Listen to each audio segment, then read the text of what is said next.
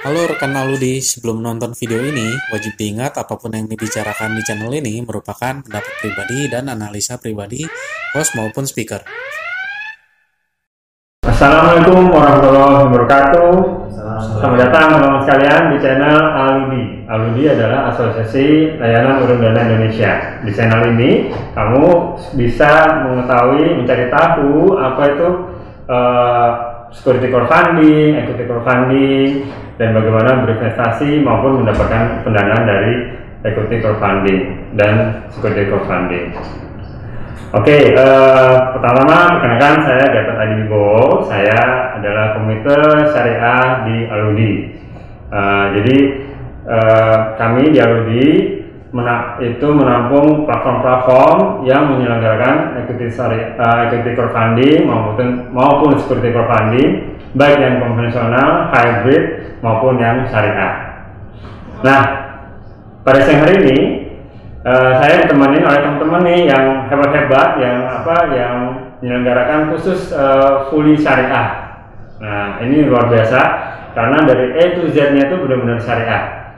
Jadi eh, kita eh, berharap dengan adanya teman-teman ini, eh, teman-teman yang ingin berinvestasi pada apa eh, eh, portfolio yang syariah, yang murni syariah itu bisa eh, melakukan investasi di teman-teman uh, penyelenggara platform uh, securities crowdfunding maupun equity crowdfunding syariah. Itu penasaran kan? Oke, eh, sebelah kanan saya ada Mas Luki. Mas Luki itu dari Safik ya Mas ya? Betul. Nah, mungkin bisa cerita sedikit Mas eh, tentang platformnya. Eh, baik, Assalamualaikum warahmatullahi wabarakatuh. Eh, Waalaikumsalam wabarakatuh. Saya Luki, eh, analis dari Safik. Eh, pada saat ini Safik ini salah satu yang syariah. Eh, Hmm. Kita mengajukan langsung SCF ya. Ya. Oh, langsung Langsung Mas. SCF. Jadi Sebentar, bedanya ECF sama SCF itu apa Mas? eh, SCF itu selain saham bisa menerbitkan sukuk juga. Oh, Jadi bukan cuma saham, tapi Oke. bisa dua lini. Teman-teman catat ya. Jadi eh, kalau dulu tuh hanya ada ECF equity crowdfunding, sekarang ada SCF securities crowdfunding. Ya. Salah satu produknya bisa eh, sukuk ya mas ya.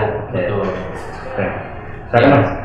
Ya setelah itu sih eh, untuk saat ini fokus kami itu di tiga ya untuk eh, industri itu satu kesehatan, kedua pendidikan dan terakhir itu eh, project financing.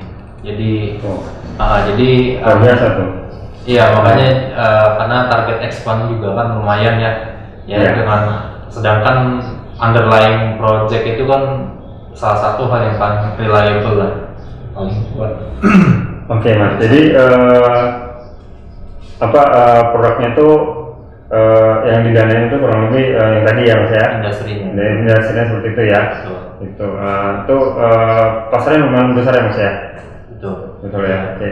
Nah, Mas, eh, kalau boleh tahu sedikit eh, bagaimana caranya eh, untuk berinvestasi di platform Mas? untuk berinvestasi. Eh, pada dasarnya sih sederhana ya. Yang pasti dia harus punya eh, pengenal ya. KTP gitu ya? KTP atau kitas atau Oh, kita. SIM Oh, orang luar negeri boleh juga dong? bisa. Cuman ada ada aturan yang lebih detail mengatur Oh, dia. oke. Gitu. Lalu memilih eh, apa? eh, mendaftarkan dirinya di platform uh, Shopee misalnya. Setelah mendaftarkan diri, eh, setelah itu verifikasi akun, setelah itu baru nggak bisa eh, digunakan untuk berinvestasi. Oh. Nah, simpelnya sih Simpel ya. itu. Nah, mudah banget teman-teman. Iya, asalkan terverifikasi aja Nah, itu data-data pribadinya. KTP, Hmm. NPWP ya. NPWP. Nah, cuma dua itu aja udah, udah bisa tuh berinvestasi di eh, portfolio yang syariah gitu. Insya Allah lebih berkah ya dengan berinvestasi di portfolio yang eh, syariah gitu. Terus eh, kalau misalnya ada UKM nih mas, eh, membutuhkan pendanaan di tempat mas, Ya. itu eh, gimana mas caranya mas? Oh, kalau untuk butuh pendanaan sih pada dasarnya eh, disebutkan penerbit ya. Oh, penerbit namanya ya. Ya, bahasanya calon penerbit eh, nanti dia ini ting- harus mendaftarkan dirinya juga Oh, pada ya. saat tapi sebagai penerbit dengan dia juga harus mandirkan ya data-data legalitas eh, kan karena PT Hmm. ya pasti ada akte ya kan Oh, legalitas Oke, lagi oke. Legalitas itu harus PT mas atau boleh selain PT? untuk saat ini PT PT ya. Oke. Ya. atau CV CV boleh ya. CV itu. CV boleh loh, teman-teman. betul Nah, terus? setelah itu ya setelah legalitas ya finansialnya dia Hmm. data-data finansial Heeh. umumnya sih dua tahun lah terakhir Nah, dua tahun terakhir. Kalau belum dua tahun boleh nggak mas? Eh, pengecualian eh, subject to review dulu Oke. tergantung jenis usahanya juga Mungkin kalau usahanya bagus nggak apa-apa ya. Ya. Kalau Kosta gitu nggak apa-apa gitu. special case Oke. betul Terus eh, perlu ada jaminan aset nggak mas yang diinin? Eh, untuk aset sih pada dasarnya itu kan nanti sukuk ya sukuk Oh. itu yang wajib jaminan Ya, oke. Jaminan Iya, aset. iya. Cukup Iya. itu seperti surat utang ya, ya Ya. atau kepemilikan pemerintah. Oh, oke. surat kepemilikan Oke. Itu ya. ada- Oke, eh, sebelah saya ini nggak ada apa sebelah saya ada Mas Budiman dari Urban. Urban itu singkatan apa mas? Eh, Oke, eh, Bismillah, Assalamualaikum warahmatullahi wabarakatuh. Eh, terima kasih Pak Gatot. Eh, saya dari Urun Bangun Negeri. Urun Bangun Negeri. Teman. Negeri. Jadi eh, Urun Bangun Negeri sih kalau disingkat memang Urban, Mhm. tapi kita eh, sekarang nama brandnya itu lebih ke arah urunri.id. Oh, Jadi oke. uh, kita pengen uh, dari perusahaan SCF kita ini, Security Support Funding kita ini bisa ikut andil lah dalam membangun keberkahan ekonomi di RI Republik Indonesia. Wow, luar biasa ya. Visi misinya luar biasa. Oke. Terus eh, apa industri yang di spesialisasi ini industri apa mas? Uh, Oke, uh, jadi uh, industri yang kita tuju, uh, visi besar kita itu adalah industri-industri yang bisa memiliki value Hmm. untuk memudahkan kehidupan uh, masyarakat atau membantu mensejahterakan masyarakat. Hmm. Makanya itu industri yang kita masukin yang pertama sih mirip kayak Syafiq tadi kita Hmm. ada juga di bidang kesehatan. Kesehatan. Terus yang kedua kita ke ketahanan pangan. Jadi kita Hmm. ke pertanian, peternakan, perikanan. Soalnya kita lihat eh, harusnya di Indonesia sektor ini sangat didukung nih karena Iya, betul, ini kan sumber perut. Iya, betul. kalau orang lapar kan lah bisa Iya. sesuatu kan. Jadi kalau ini kuat dan disupport oleh dalam negeri, selain membuka lapangan kerja yang besar, selain di betul. bidang ketahanan pangan, dan juga eh, menguatkan ketahanan negara juga sebetulnya betul. intinya ke sana gitu. Terus yang ketiga itu renewable energy. Karena sekarang kita lihat eh, apa energi terbarukan ini mulai muncul nih dan Hmm. juga eh, alat-alat yang dengan energi terbarukan ini juga mulai mulai dibutuhkan. Betul. Sekarang kan kita sudah mulai mobil mengarah ke mobil listrik, Hmm. terus eh, listrik sudah mulai ada solar panel, bahkan eh, di negara di kota-kota tertentu itu ada yang eh, mengolah sampah tumbuh-tumbuhan untuk jadi listrik. Hmm. Ya, ini juga jadi solusi energi bagi negara kita yang berkepulauan. Eh, energi itu bisa diproduksi oleh mereka sendiri, jadi nggak Hmm. perlu langsung dikirim dari pusat Jakarta. Eh, bayangkan misalnya jarak jauh kan ongkos transportasi juga udah berapa. Betul. Nah, ini membantu mensejahterakan masyarakat. Terus ya keempat itu ekspor komoditi. Eh, kenapa kita milih ekspor komoditi? Eh, karena kita pengen negara kita ini kuat gitu, Mm-mm. dapat valuta asing dari luar, bukan kita mengimpor terus, tapi kita Ya, harus betul. mengekspor gitu. Betul. Terus yang kelima itu kita di bidang eh, telco, Eh, ya, karena tentu eh, digital ini ya kaitannya sama telekomunikasi. Mhm. Terus yang keenam itu IoT, Internet of Things. Hmm. Kenapa kita masuk ke situ? Eh, soalnya dengan Internet of Things sih harusnya segala sesuatu itu bisa seamless informasinya. Hmm. Yang kemarin tuh saya sempat dapat ada IoT Medic. Nah ini kan baru nih IoT Oh, iya. Medic. Hmm. Eh, bisa kebayang nanti di masyarakat ketika ada eh, apa namanya eh, detak jantung segala macam dokter tuh bisa tahu seamless lewat internet itu IoT Iya. yang pasti akan membantu eh, kehidupan bermasyarakat kita. Tuh, keren-keren ya. Saya ada tadi bilang, wah, hebat-hebat nih teman-teman apa acara syariah. Apa misi visinya tuh luar biasa dan industri yang ingin dibantu, yang disokong tuh benar-benar mengena kepada masyarakat yang insya Allah membuat eh, kehidupan masyarakat lebih baik, lebih barakah lah. Nah, Amin. Mas, kalau di apa di urun RI ya, Iya. saya ngomongin urinary ya, Bang, Iya. ya. Urinary itu eh, kira-kira untuk kalau misalnya kita mau apa eh, butuhkan pendanaan itu berarti harus enam sektor itu aja. Nah, eh, sebetulnya ada satu lagi nih. Oh, Tentunya belas. eh, di balik enam sektor itu ada satu sektor yang kami buka Hmm. itu untuk orang-orang yang hijrah.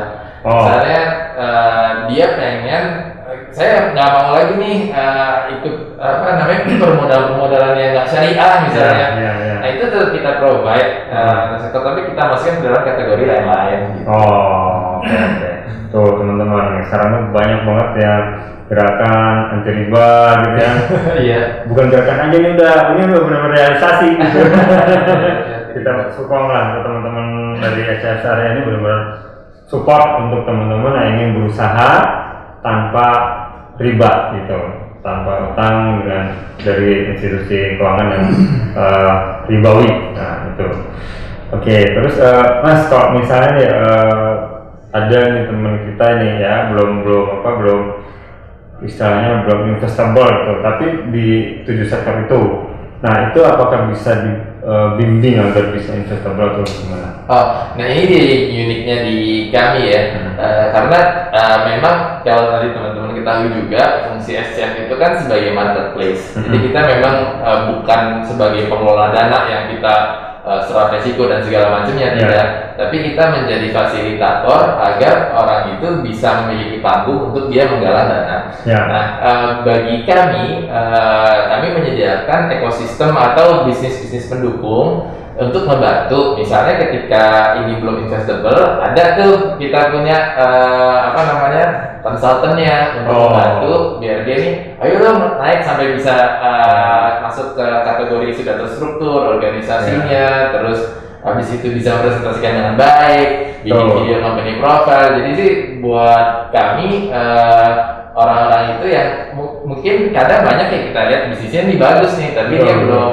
ya karena mungkin dia eh, belum berinteraksi dengan lembaga keuangan, jadi dia butuh bantuan. Nah itu ada tuh kita Nah. kasih biasanya. Tuh, itu penting banget teman-teman sekalian. Jadi memang eh, banyak banget ya yang mengajukan pendanaan ya. Mhm. Cuma eh, ya dari apa dari sisi keuangannya, eh, terus eh, mungkin packagingnya belum ini, terus link ke pasar-pasarnya.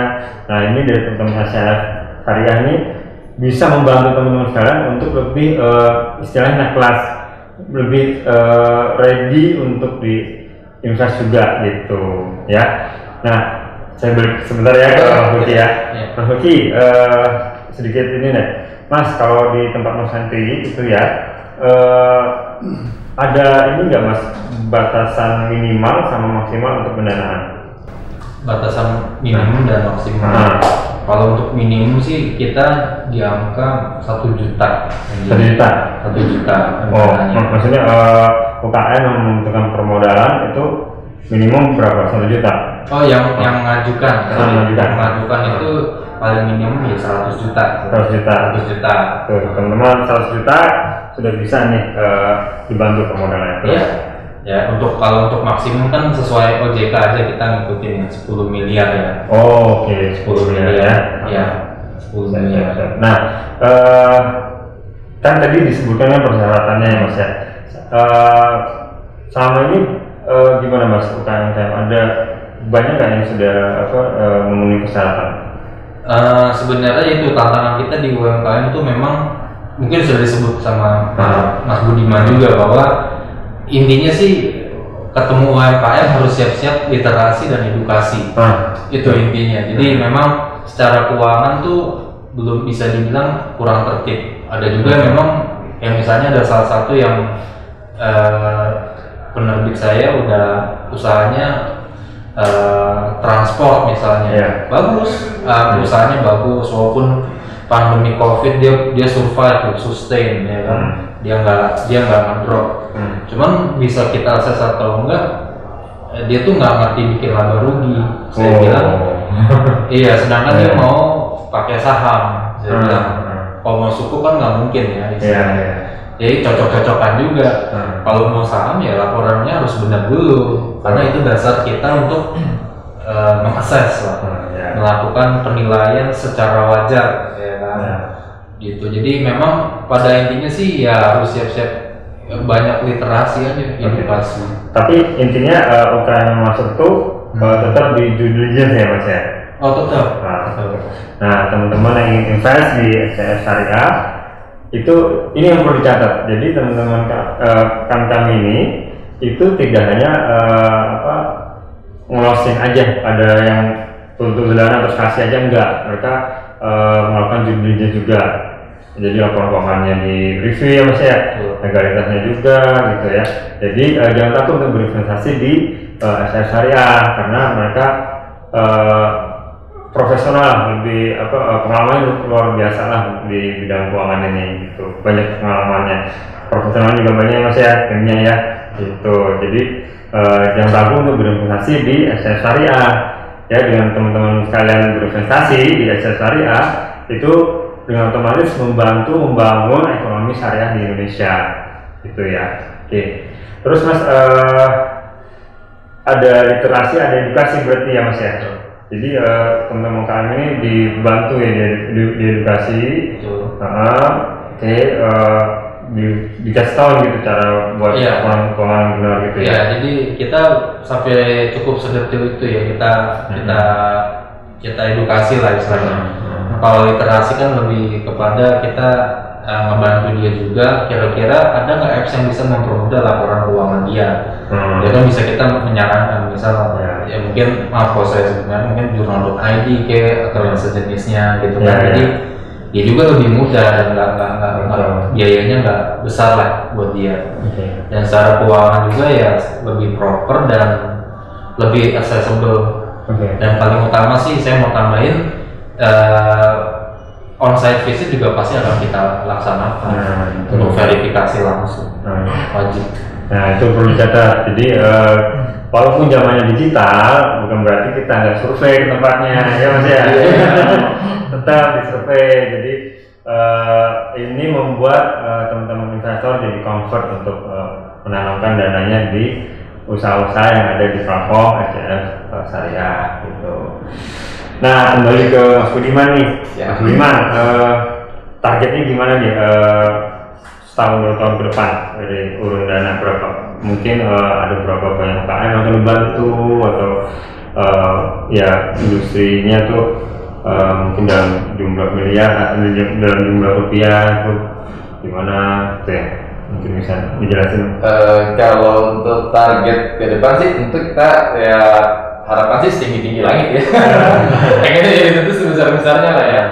Eh, dan sekarang sih kita lebih ke arah eh, bekerja sama dengan komunitas-komunitas, asosiasi-asosiasi, terutama yang tadi terkait dengan enam bidang tadi itu yang kami masukin itu. Jadi eh, anggota-anggota mereka dulu nih yang kita kenal itu Hmm. eh, yang masuk ke dalam eh, platform kami. ya Ya harapan kita ya mungkin eh, kalau satu asosiasi itu masing-masing ada isinya 100 anggota aja ya mungkin ya minimal eh, serat, eh, 50 atau 60 lah ya eh, 50 persen lah yang yang akhirnya kita bisa eh, grab untuk jadi eh, penerbit ya. Nah, kalau bahasa kami di urun RI ini juga bahasanya kita ganti penerbit bukan penerbit tapi kita bilang dia eh, pahala pejuang. Jadi kita dari pejuang, Wow. pejuang RI. Kenapa pejuang ya karena eh, dia eh, membantu bisnis ini biar apa dia bergerak dalam bisnis ini ya untuk untuk ujungnya kan kesejahteraan semua banyak orang ya. Kalau si pemodalnya kita namakan pahlawan. Jadi Oh, pahlawan gitu. RI gitu. Misalnya dia kan ngasih duitnya nih. ya, ya, ya. pahlawan nih. tapi walaupun pahlawan tetap ada untung kan mas Iya. Bukan pahlawan tanpa tanda jasa ya. Iya, iya. Wah itu bagus banget tuh teman-teman. Eh, ya jadi eh, kita bisa lihat ya eh, teman-teman saat apa SSR ini benar-benar eh, konsen terhadap eh, kehidupan di masyarakat, terutama ekonominya agar bisa lebih apa lebih baik lagi, terutama UKM. Nah tadi belum sempat saya tanyakan mas, gimana caranya kalau eh, saya ini UKM ingin mendapatkan pendanaan di tempat mas? Eh, Oke, Gatot. Jadi eh, kalau secara umum sih onboarding kayak prosesnya kita sama ya Eh, di tempatnya eh, Syafiq juga mirip-mirip. Eh, ketika orang mau onboarding yang pertama itu masuk uh, dia menginput data dulu di platform kami. Hmm. Nah di situ ada elektronik KYC tuh. Nah ini juga buat teman-teman investor biar tahu juga Hmm. di elektronik KYC itu ya kita ngeliat data slip OJK, uh, ada Oh. nggak data di perbankan dia yang Hmm. uh, mungkin kolektibilitas atau macet atau apa itu kita detect dari situ. Hmm. Terus uh, ada nggak uh, sesuai data KTP yang dia berikan dengan disduk capil atau disduk capil biar mencegah jangan ada alamat palsu. Nah, KTP jangan palsu gitu.